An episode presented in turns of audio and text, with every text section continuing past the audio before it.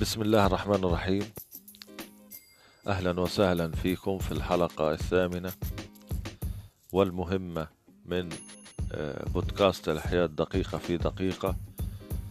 وراح أشرح فيها اليوم آلية عمل فيروس كورونا أو كوفيد 19 في جسم الإنسان.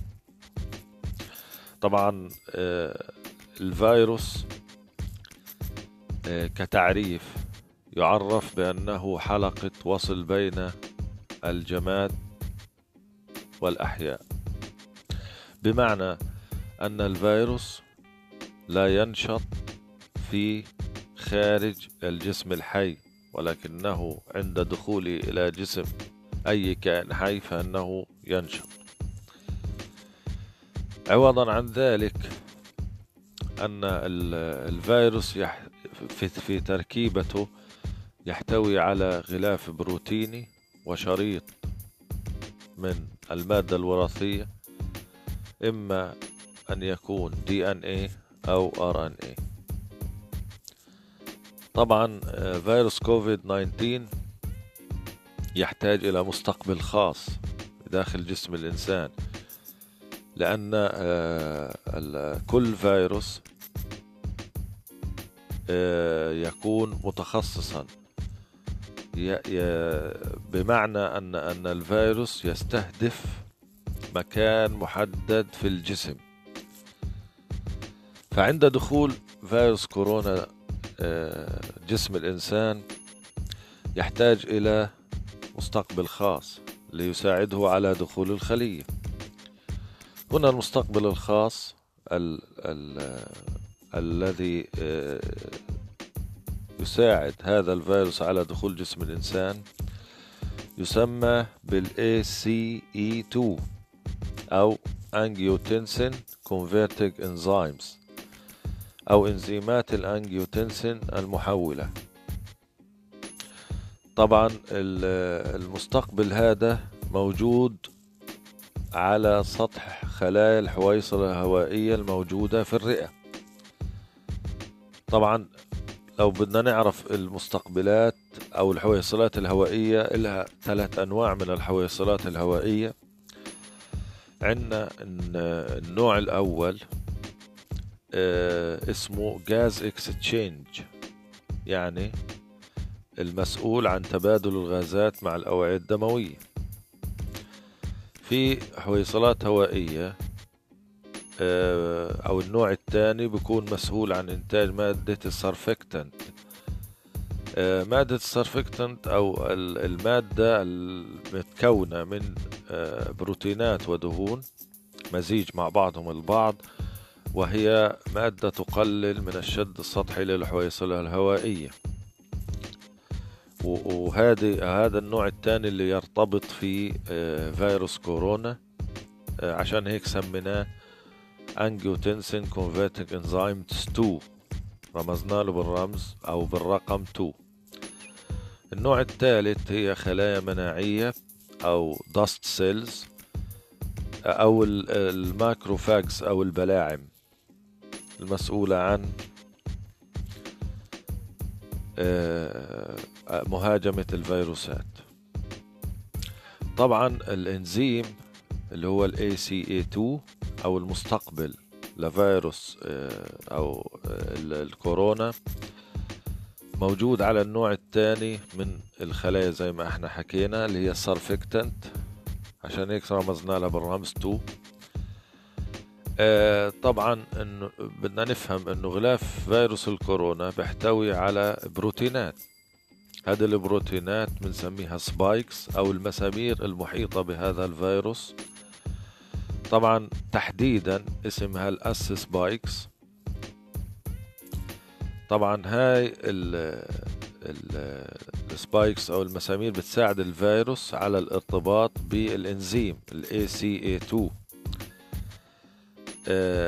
طبعا لما آه، الفيروس يرتبط فيها بتدخل المادة الوراثية للفيروس لداخل الخلية. بعد هيك بتسخر الخلية لإنتاج البروتينات الخاصة بالفيروس وبالتالي يتكاثر وتموت الخلية. عندما تموت الخلية الحويصلات الهوائية من النوع الثاني تقوم بطرح مواد. طبعا لما الفيروس يسيطر على الخلية وتموت آه، الحويصلة الهوائية بتطرح مواد. المواد هذه اسمها specific inflammatory mediators أو وسطاء الالتهابات المحددة. وسطاء الالتهابات المحددة هذه المادة اللي بتفرزها الحويصلات الهوائية لما تموت أو يهاجمها الفيروس ويتكاثر فيها. تحفز الخلايا المناعية الموجودة. طبعا في النوع الثالث بتحفز النوع الثالث من الخلايا اللي هو ال macrophages هذه الخلايا لما تتحفز بتفرز ثلاث مواد مناعية بنسميها ال cyto cytokines أو السيتوكينات في ثلاث أنواع من السيتوكينات بتفرز في حال آه، آه، اللي هو تحفيز البلاعم. الموجودة في النوع الثالث من الحويصلات الهوائية بنسميها ثلاث أنواع هي ال interleukin 1 interleukin 6 وال tumor necrosis factor أو عامل نخر الورم واللي له رمز TNF. هذه الثلاث آه، سيتوكينات آه، تصل إلى مجرى الدم. لما تصل هذه المواد الثلاثة إلى مجرى الدم تسبب الأعراض المصاحبة للإصابة بفيروس كورونا. طبعا بدنا نعرف إيش الأعراض وكيف الأعراض بتنشأ. طبعا على مستوى الرئتين أول شيء المواد الثلاثة هاي بتؤدي إلى توسع الأوعية الدموية المحيطة بالحويصلة. وكذلك زيادة نفاذية جدار هذه الأوعية. طبعا هذا بيؤدي إلى تلف في الحويصلات التنفسية بنسميها الوذمة السنخية اللي بتؤدي إلى نقص الأكسجين وضيق التنفس. ثاني شيء يحدث على مستوى الرئتين اللي هو فقدان السرفكتنت اللي هو عامل الشد السطحي الموجود في الحويصلة الهوائية لما يفقد الشد عامل الشد بيؤدي إلى زيادة الشد السطحي للحويصلة الهوائية وبالتالي يؤدي إلى انهيار سنخي أو الفيولار ألفيولار كولابس.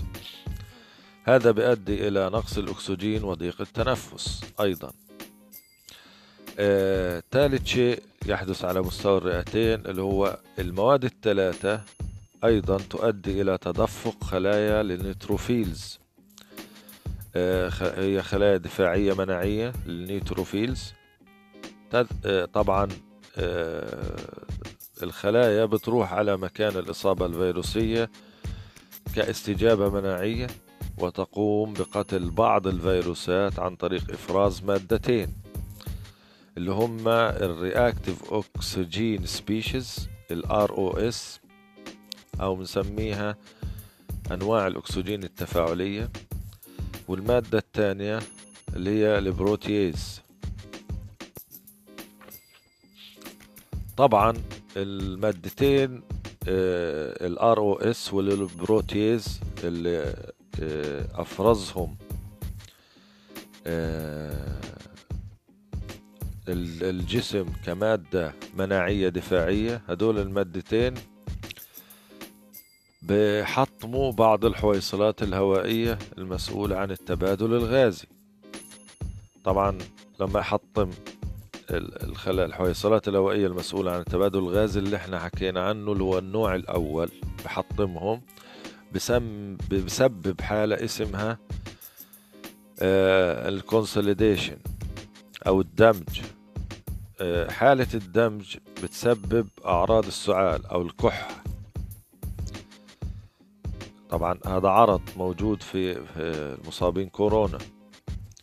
تروح هيك هيك إحنا آه آه خلصنا الرئتين. نروح على آه، الجهاز العصبي. طبعا بأثر المواد المفرزة على الجهاز العصبي.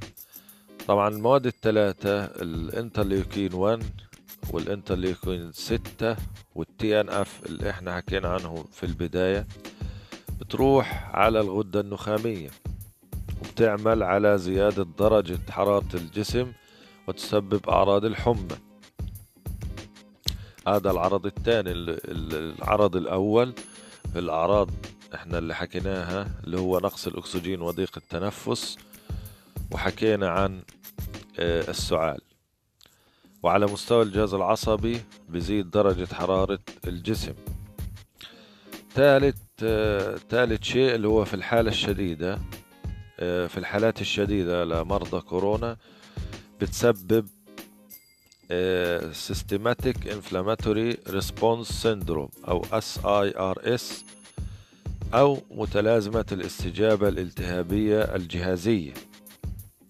هذا ب... هذه آه، لما آه، تصير طبعا آه، نتيجة لإفراز هذه المواد الثلاثة ال interleukins طبعا بتؤدي إلى ال septic shock أو الصدمة الإنتانية.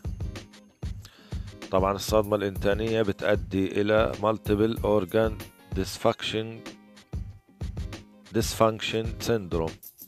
أو ال MODS أو ال MODS أو متلازمة ضعف الأعضاء المتعددة. طبعا متلازمة ضعف الأعداد الأعضاء المتعددة إنه بصير في ضعف عام في ال في ال في جسم الإنسان. هذا من أعراض كورونا.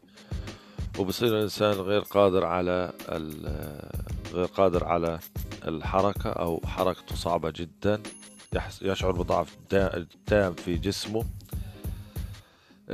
طبعا آه، ممكن الكلية في حالات آه، في الحالات الشديدة يصير عنده أو فشل كلوي طبعا أنا حاولت بصورة بصورة يعني مبسطة أحاول أبسط الشيء يمكن صعب على بعض الأشخاص لو سمعوا الحلقة أنهم يستوعبوا الكلام من أول مرة ممكن يعيد الحلقة تاني ويستوعب الكلام. آه، لكن هذا أبسط آه، شرح ممكن أنا أشرحه آه، للمتخصصين ولغير المتخصصين على على سبيل المثال. وأتمنى أنه أكون فدتكم. شكرا لكم جميعا وأتمنى أنه تدعموني على منصة باتريون. الرابط موجود في وصف الحلقة ما تبخلوا إنكم تنشروا الرابط وتنشروا الحلقات. وشكرا جزيلا لكم. آه، وتحياتي الشديدة محمد رشوان. آه، بكالوريوس في الأحياء الدقيقة قطاع غزة خان يونس. والسلام عليكم ورحمة الله وبركاته.